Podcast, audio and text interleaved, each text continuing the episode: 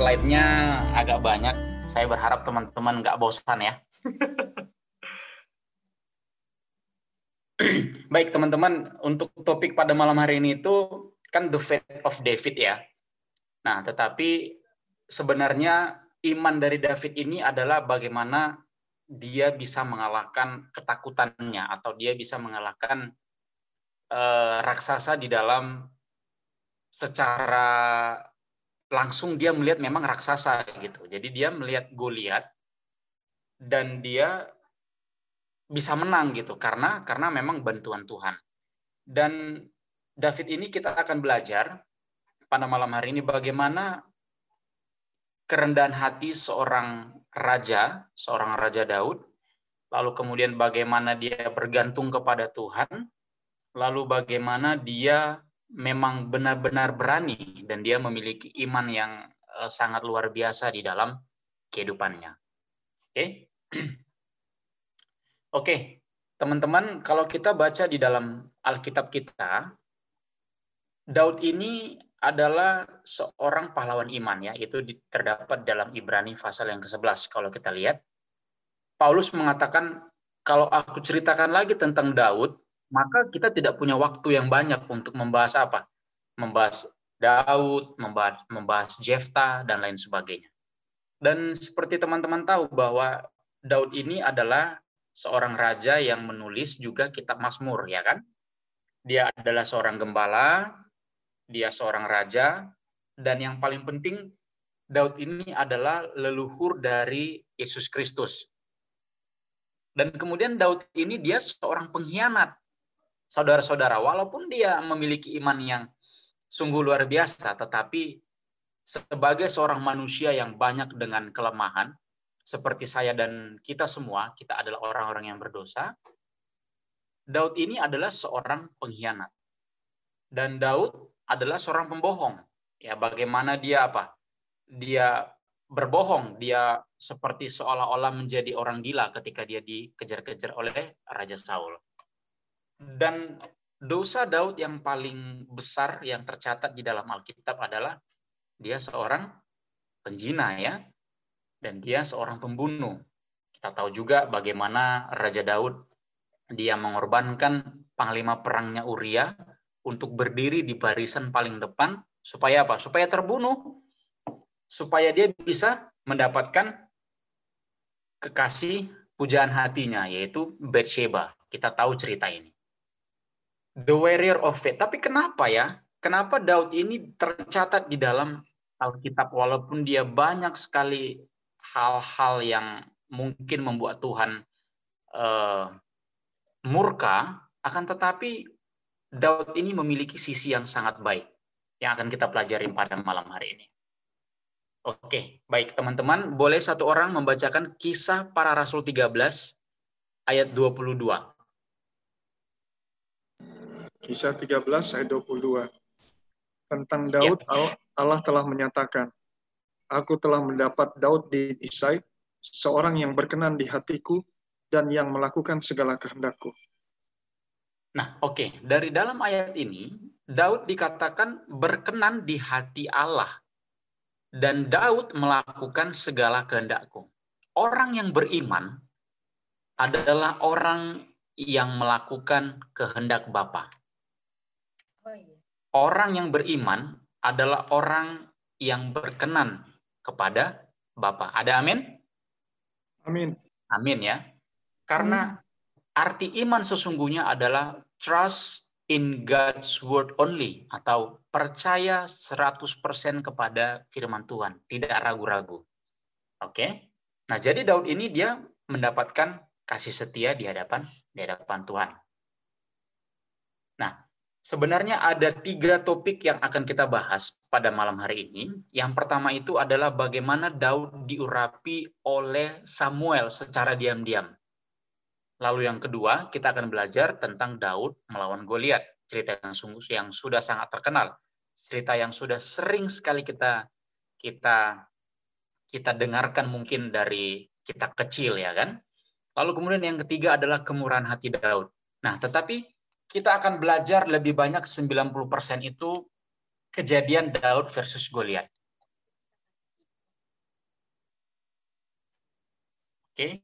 Nah, jadi Daud ini ketika dia diurapi oleh Samuel ya.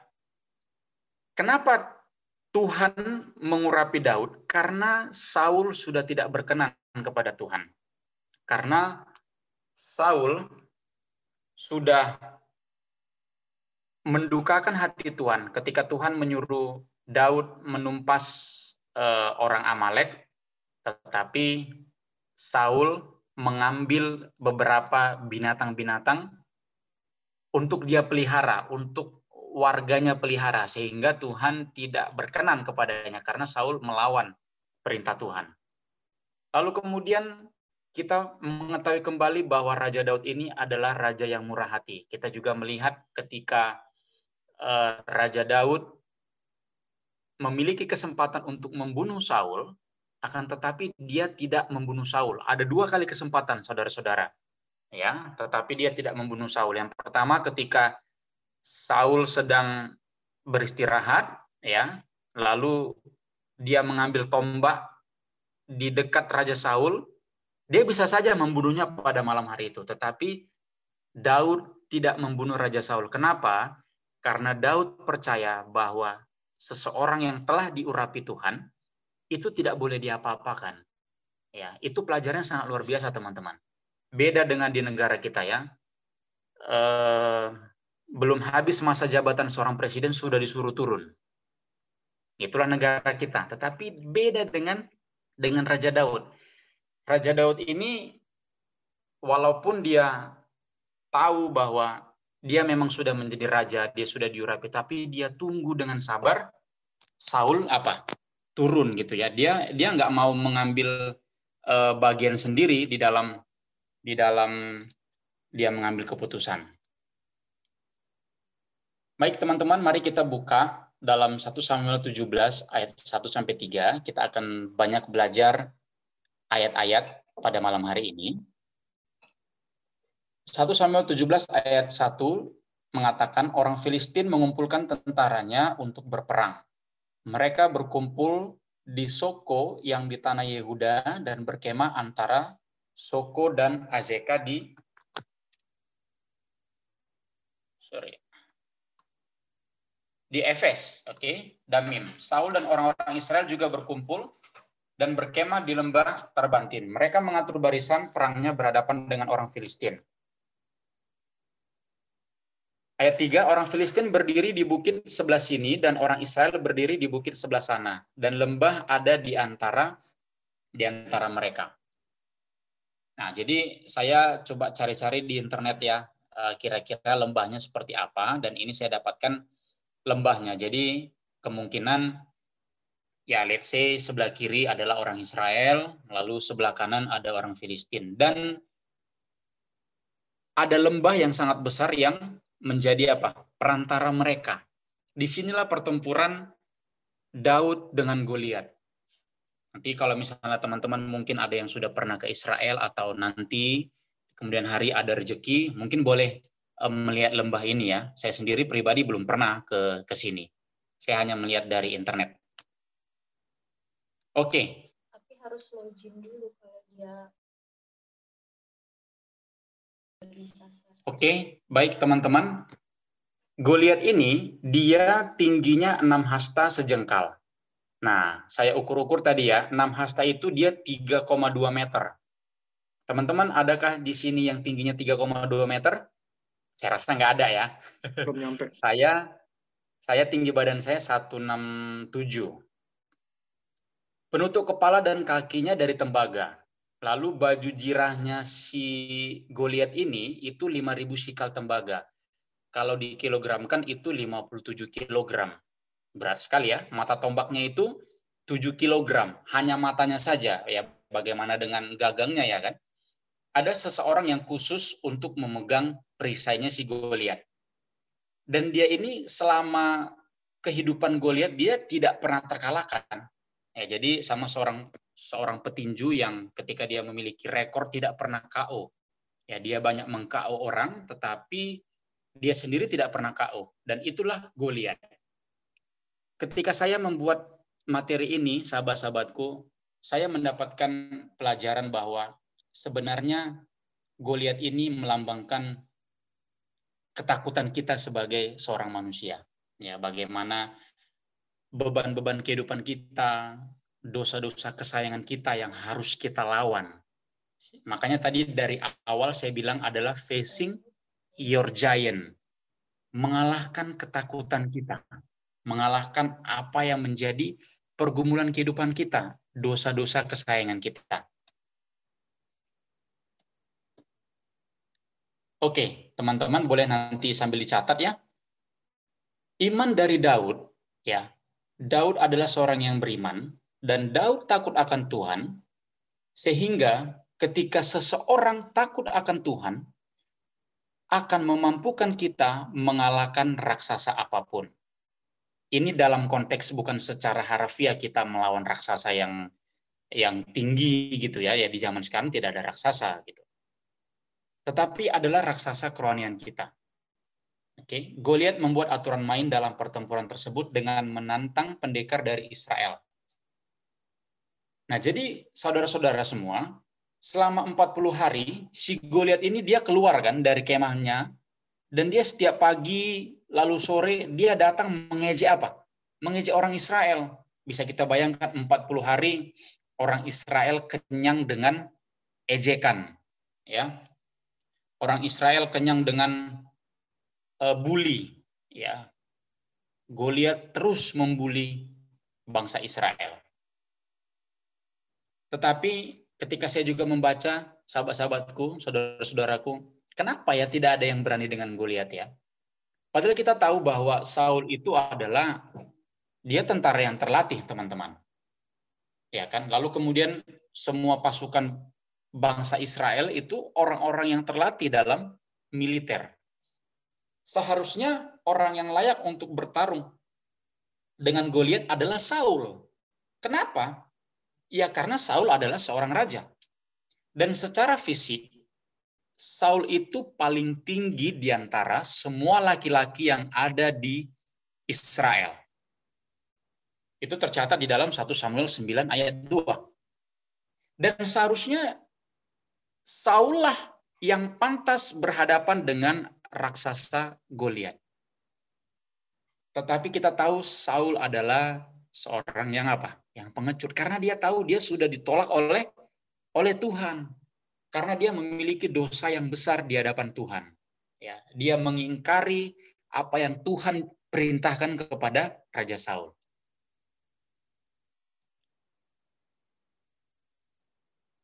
Roma 8 ayat 31, sebab itu apakah yang akan kita katakan tentang semuanya itu?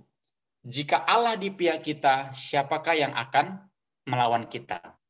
Nah, jadi jawabannya kenapa Saul takut teman-teman? Ini boleh dicatat dan ini sangat penting buat kita pada malam hari ini. Kenapa kita takut? Kenapa Saul takut? Karena Saul telah ditinggalkan oleh roh Tuhan sahabat-sahabatku, jangan sampai roh Tuhan meninggalkan saya dan kita semua. Saya selalu berdoa di dalam keseharian saya ketika sebelum tidur, teman-teman. Saya selalu berdoa Tuhan, jangan tinggal jangan tinggalkan aku, jangan tinggal rohmu harus tetap ada di dalam hatiku. Dan biarlah rohmu selalu ada di dalam hatiku. Karena kenapa? kawan-kawan, ketika roh Tuhan sudah tidak ada di dalam hati kita, maka kita tidak akan peka lagi dengan yang namanya dosa. Semua dosa kesayangan kita itu bagi kita adalah tidak dosa kalau roh Tuhan sudah tidak ada lagi. Ah, ini kan nggak dosa, aman kok, nggak ada yang tahu kok. Makanya saya sangat takut sekali kalau roh Tuhan meninggalkan saya. Itulah selalu dua saya kawan-kawan supaya Tuhan tidak meninggalkan saya. Ada seorang motivator, dia mengatakan dalam situasi atau masalah apa pun, siapa diri Anda menentukan apa yang Anda lihat. Dan apa yang Anda lihat menentukan apa yang Anda lakukan. Baik, sekilas saya buat di sini teman-teman, Daud ini sebenarnya adalah seorang anak desa yang tidak masuk hitungan ya. Daud ini seorang gembala, dia kerjanya sehari-hari hanya menggembalakan kambing domba ayahnya. Daud ini memiliki tujuh orang kakak ya, tetapi tiga dari kakak-kakaknya adalah tentara dari Raja Saul.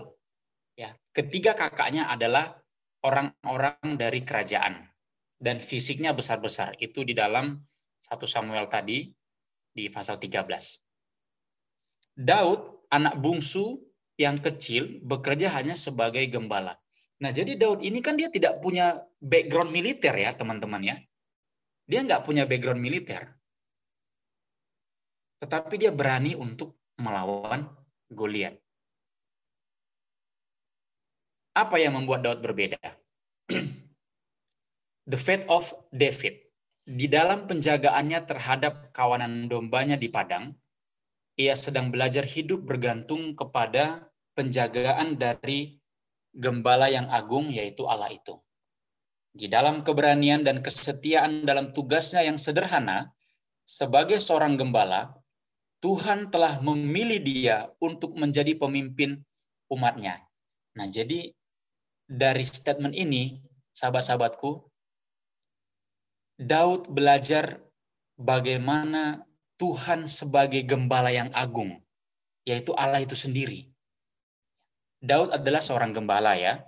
Dia menjaga kawanan dombanya. Dari situ dia belajar bahwa Allah itu pun menjaga dia dan menjaga kita semua. Sebab gelar dari Bapa kita adalah gembala yang agung. Oke?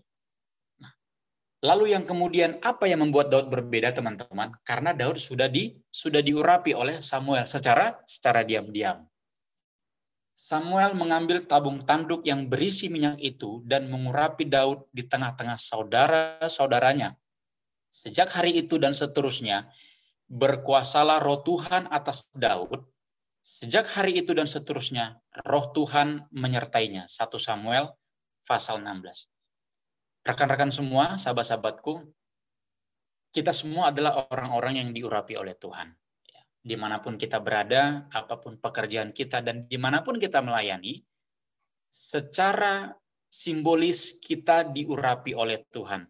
Kenapa kita diurapi oleh Tuhan? Ya karena kita adalah anak-anak Tuhan. Ya, sehingga ketika kita diurapi oleh Tuhan, seharusnya lah kehidupan saya dan kehidupan kita apa? memancarkan karakter karakter dari Yesus Kristus. Ada amin? Amin. Amin. Oke. Hal yang menarik tentang takut akan Allah adalah ketika Anda hidup dalam takut akan Allah, Anda tidak akan takut kepada apa pun di atas dunia ini. Namun, jika Anda hidup tidak takut akan Allah, anda akan takut menghadapi segala perkara-perkara. Nah, teman-teman, maksudnya di sini kita tidak takut dengan apa pun di dunia ini, ya bukan berarti kita jadi petantang petenteng ya. Kita hajar, kita loncat dari gedung. Oh, saya nggak takut gitu. Nah, bukan bukan begitu ya.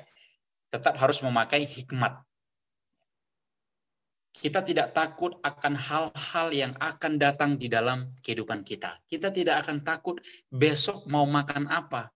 Kita tidak akan takut besok aku mau pakai apa.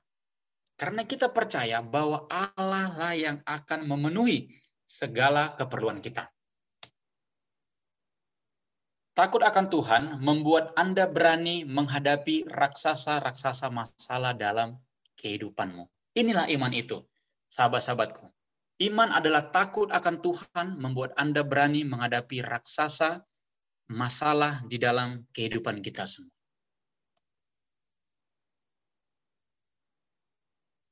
Bagaimana cara Daud ketika dia bisa menang dan dia memiliki iman yang sungguh luar biasa di dalam pertempuran pertempuran dia dengan Goliat? Jadi waktu itu kan Daud ini dia datang ya untuk membawa bekal dan menanyakan keadaan abang-abangnya ya. Jadi Daud ini saya rasa saya percaya dan saya saya imani Daud ini adalah seorang anak yang patuh kepada orang tuanya. Jadi orang tuanya suruh, "Eh, bawa dulu ini makan siang untuk abang-abangmu." Oke, Papa, Daud bilang. Mungkin dengan dalam bahasa modern. Ya kan? Daud ini dia dididik dari kecil untuk menurut. Aplikasi buat kita adalah apakah kita sudah menurut dengan apa? Dengan orang tua kita, menurut dengan uh, Tuhan, ya. Lalu si Daud ini kan ketika dia datang ke dia membawa bekal kepada abang-abangnya kan dia mendengar nih ejekan dari Goliat kan dia melihat ini orang siapa sih kayak kok kok ngeri banget nih si Goliat ngejek-ngejek bangsa pilihan Tuhan Ya, jadi hari itu adalah hari ke-41 teman-teman. Ya, jadi Goliat menantang orang Israel, namun tidak ada seorang pun yang berani melawan melawan Goliat. Dan Daud mendengar ketika dia datang. Lalu kita tahu sendiri ya bahwa Daud dengan agak sedikit marah oleh karena dia merasa bahwa Goliat telah menghina bangsa pilihan Tuhan Lalu dia datang kepada Saul, kepada Raja Saul untuk apa? Untuk mohon izin untuk bisa berperang melawan Goliat. Ada tiga T yang diberikan hadiah oleh Saul kepada barang siapa yang bisa menang melawan Goliat. Yang pertama, orang yang mengalahkan Goliat akan dianugerahi raja kekayaan yang besar, harta. Lalu raja akan memberikan anaknya perempuan, wanita. Dan kaum keluarganya akan dibebaskan dari pajak di Israel.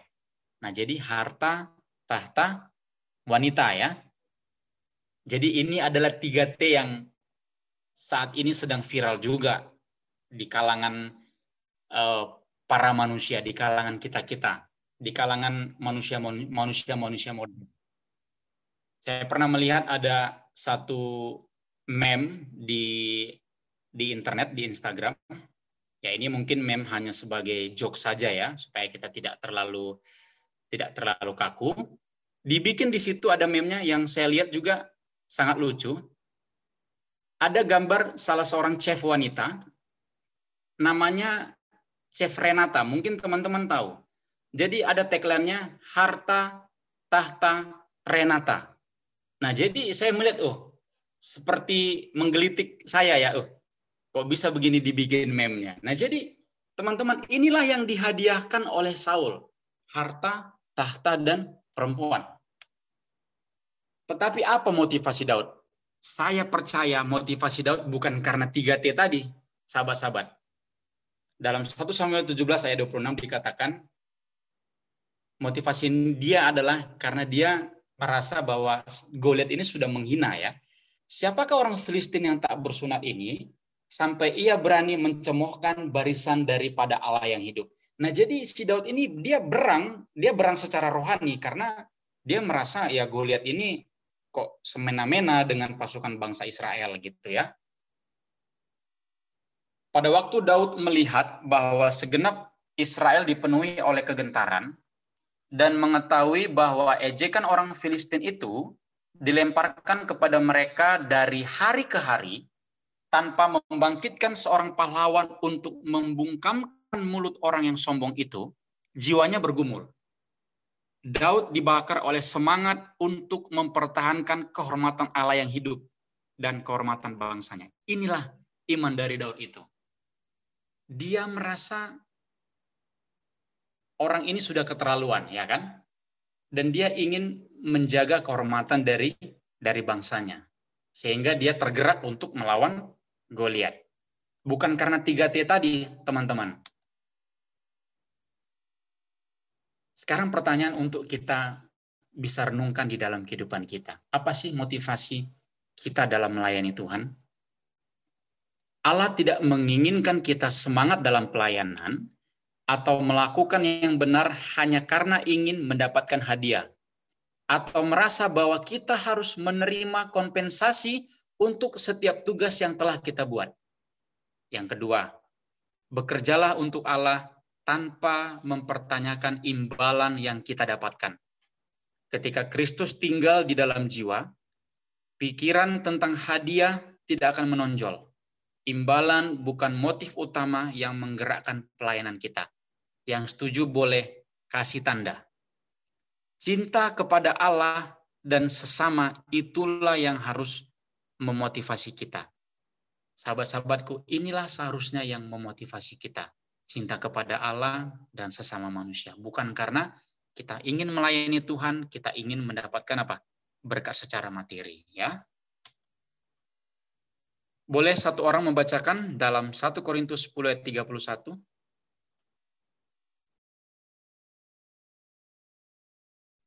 Boleh teman-teman? Aku menjawab, jika engkau makan, atau jika engkau minum, atau jika engkau melakukan sesuatu yang lain, lakukanlah semua itu untuk kemuliaan Allah. Amin. Terima kasih, Kak.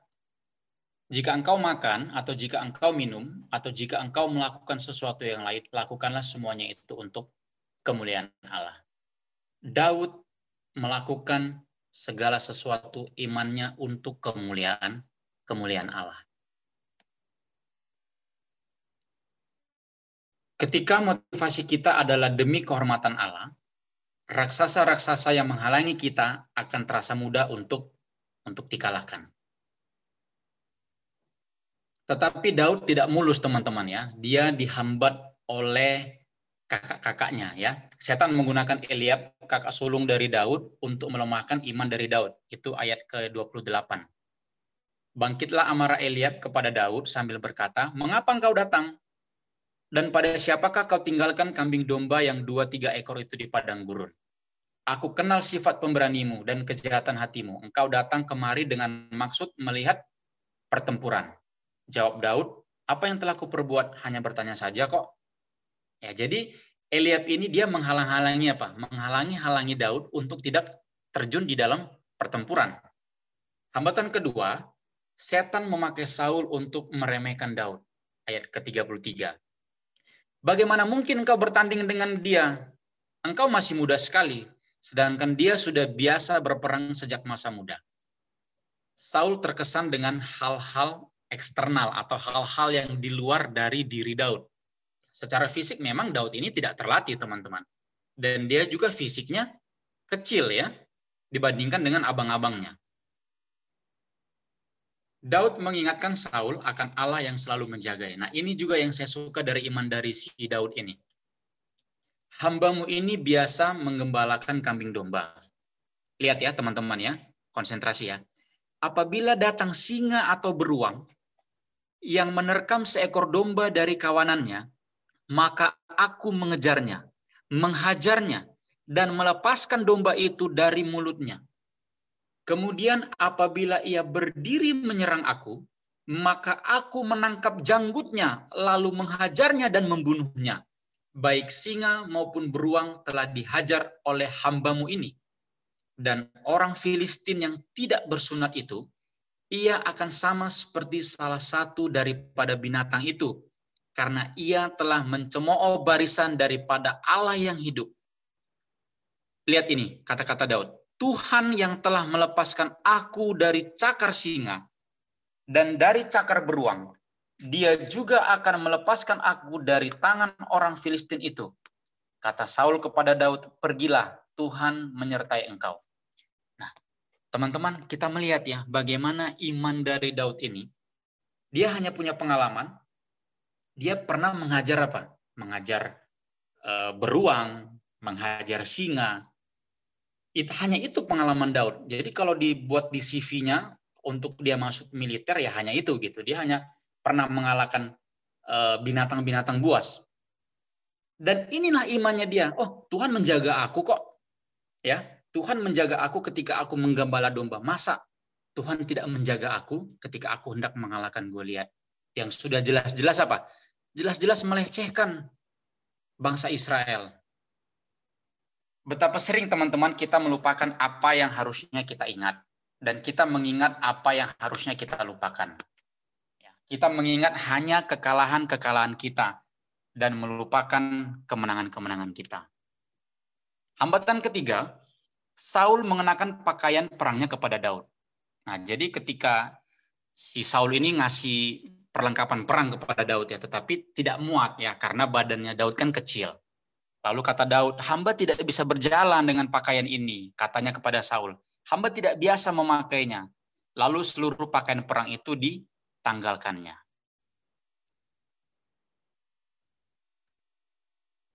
Dalam 1 Samuel 17 ayat 40, lalu Daud mengambil tongkat di tangannya, dipilihnya dari dasar sungai lima batu yang licin, dan ditaruhnya dalam kantung gembala yang dibawanya, yakni tempat batu-batu, sedang umbannya dipegangnya di tangannya. Demikianlah ia mendekati orang Filistin itu. Gantinya dari tombak, dari baju jira yang diberikan oleh Saul, dia melepaskan semuanya, dia hanya datang kepada Goliat dengan tongkat dan batu. Artinya apa, teman-teman? Daud ini dia menggambarkan juga bagaimana Musa bagaimana Musa memimpin bangsa Israel. Dan dia percaya dengan tongkat itulah Allah Bapa juga yang akan menjaga dia. Dan dia mengambil batu. Batu ini juga melambangkan Yesus Kristus, saudara-saudara. Yesus Kristus adalah batu penjuru kita. Saat kita hendak melayani Allah dengan tulus, setan berusaha mengalihkan pikiran kita dan memberikan berbagai hambatan agar kita gagal. Ya, karena itu tetaplah fokus pada tujuan peperangan yang sesungguhnya. Jadi peperangan kita adalah melawan diri kita sendiri, sahabat-sahabatku. Bukan melawan orang lain, tapi melawan diri kita sendiri. Lalu kita melihat bagaimana Daud ini dia menyelesaikan pertandingannya dengan cara Allah. Bukan dengan cara manusia. Mungkin dengan cara manusia dia bisa membawa apa? Tombak, ya kan, membawa pedang. Tetapi bukan itu yang Tuhan mau untuk Daud lakukan. Dengan iman, Daud berjalan ke lembah menghadapi situasi yang mustahil bagi seorang manusia yang hanya gembala saja. Goliat mengejek Daud dan mengintimidasinya. Anjingkah aku? Maka engkau mendatangi aku dengan tongkat. Di sinilah ujian itu dihadapkan kepada setiap orang. Perhatikanlah Daud, dia tetap tenang. Sahabat-sahabatku, dari pelajaran Daud ini, Daud juga ingin mengajarkan kepada kita untuk tetap tenang dalam segala situasi. Oke.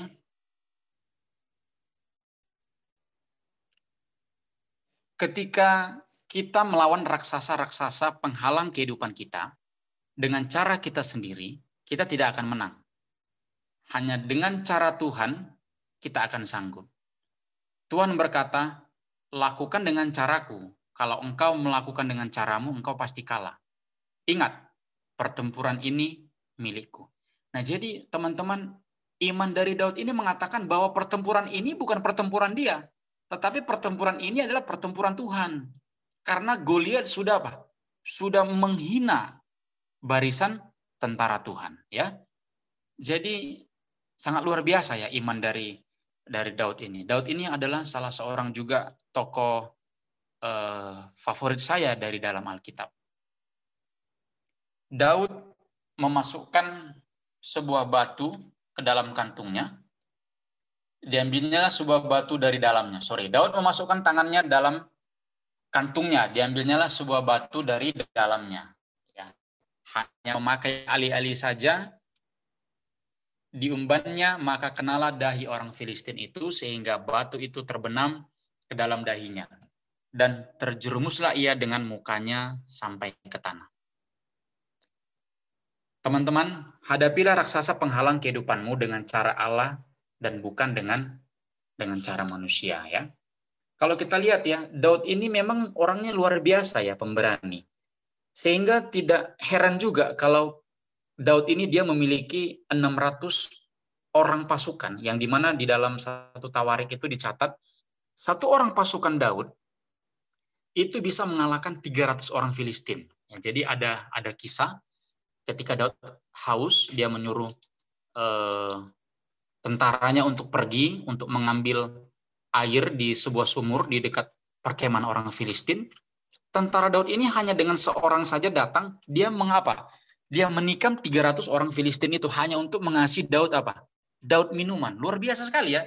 Saya jadi kayak apa ya kayak nggak habis pikir ih bisa ya satu orang bisa mengalahkan 300 pasukan uh, pasukan Filistin gitu jadi memang luar biasa Daud ini uh, pengaruhnya juga kepada setiap orang-orang yang mengikut Daud hadapilah raksasa penghalang kehidupanmu dengan cara Allah dan bukan dengan cara manusia. Terkadang saya sebagai manusia masih suka teman-teman masih pakai cara saya, bukan cara Allah. Kadang saya katakan kepada Tuhan, Tuhan, cara saya ini loh lebih bagus daripada cara Tuhan. Saya sering kali seperti itu teman-teman. Tetapi pada malam hari ini Tuhan mengingatkan saya secara pribadi untuk menghadapi penghalang-penghalang kehidupan saya dengan cara Allah, bukan dengan cara manusia. Oke, kesimpulan sebelum saya menutup uh, sesi sharing pada pada malam hari ini ya kesimpulan dari Daud dan Goliat. Apa sih raksasa dalam kehidupan kita yang biasanya kita hadapi? Yang pertama itu kebiasaan buruk kita. Kedua, kecanduan yang tidak bisa dilepaskan. Lalu dosa kesayangan kita, akar kepahitan kita, mungkin akar kepahitan di masa-masa yang lalu. Mungkin di antara kita ada yang tidak berbicara kepada ayah atau ibunya, tidak omongan dengan abang atau adiknya, atau penyakit yang tidak kunjung sembuh, atau kita PHK dari pekerjaan kita, atau masalah keuangan, perkawinan, persahabatan, relationship, itu adalah raksasa dalam kehidupan kita yang sering kita hadapi. Menghadapi raksasa adalah pengalaman yang sangat menakutkan. Saya sendiri saat sampai saat ini masih sering menghadapi apa? Raksasa di dalam kehidupan saya secara pribadi. Namun jika kita takut akan Allah, kita tidak akan gentar menghadapinya. Poin yang kedua, melakukan pertempuran merupakan pengalaman sendirian. Ya. Seperti Daud, dia sendiri. Tidak ada orang yang berperang untuk Anda. Namun belajarlah untuk mempercayai Allah. Tadi saya bilang apa? Iman adalah trust in God's word only. Percaya hanya kepada firman Tuhan. Mempercayai Allah adalah pengalaman yang mengokohkan.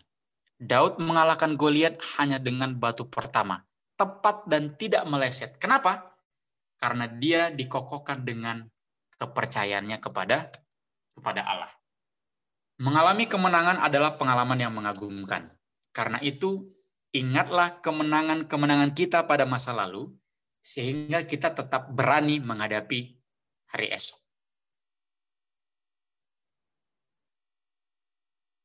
Sahabat-sahabatku, teman-temanku, rekan-rekan sekalian yang dikasih dalam nama Yesus, tokoh pada malam hari ini yang kita pelajari sangat luar biasa, ya Daud mengajarkan kita arti dari iman yang sungguh-sungguh. Daud mengajarkan kita bagaimana bergantung kepada Tuhan dengan sungguh-sungguh. Oleh karena itu saya mau mengundang salah seorang sahabat saya, mungkin Bro Hanafi boleh membacakan Mazmur 23. Mazmur ini sangat menguatkan saya secara pribadi dan saya juga yakin dan percaya ketika Raja Daud menuliskan Mazmur 23 ini, hatinya sungguh benar-benar merasakan bahwa memang Tuhan berada di pihak Daud. Boleh? Bang Hanafi boleh bacakan Mazmur 23. Mazmur 23 ayat berapa, Bro? Mazmur 23 ayat 1 sampai 4 saja, Bang. Baik. Mazmur 23. Tuhan gembalaku yang baik, Mazmur Daud. Tuhan adalah gembalaku, takkan kekurangan aku. Ia membaringkan aku di padang yang berumput hijau. Ia membimbing aku ke air yang tenang. Ia menyegarkan jiwaku. Ia menuntun aku di jalan yang benar oleh karena namanya. Sekalipun aku berjalan dalam lembah kekelaman, aku tidak takut bahaya, sebab engkau besertaku. Gadamu dan tongkatmu, itulah yang menghibur aku. Ya, baik. Terima kasih. Biarlah eh, pelajaran kita pada malam hari ini boleh menguatkan kita agar kita tetap boleh menang untuk menghadapi raksasa-raksasa dalam kehidupan kita. The faith of David adalah doa dan harapan kita untuk kita minta kepada Tuhan setiap hari. Terima kasih. Saya bawa dalam nama Yesus. Amin.